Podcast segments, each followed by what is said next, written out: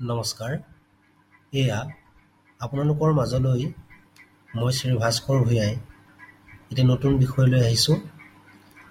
অসমত পডকাষ্টৰ বিষয়টো এতিয়াও কিছু নতুন হৈ আছে আৰু মই এই মাধ্যমেৰে কিছু কাম কৰি যাবলৈ আজি এই ষ্টুডিঅ'ত আগবাঢ়িছোঁ আৰু যিহেতু মই বিষয়টো শিকি আছোঁ গতিকে কেনেধৰণে ইয়াৰ পিছৰ পৰ্যায়বোৰ আগবঢ়াব পাৰিম সেয়া চাম।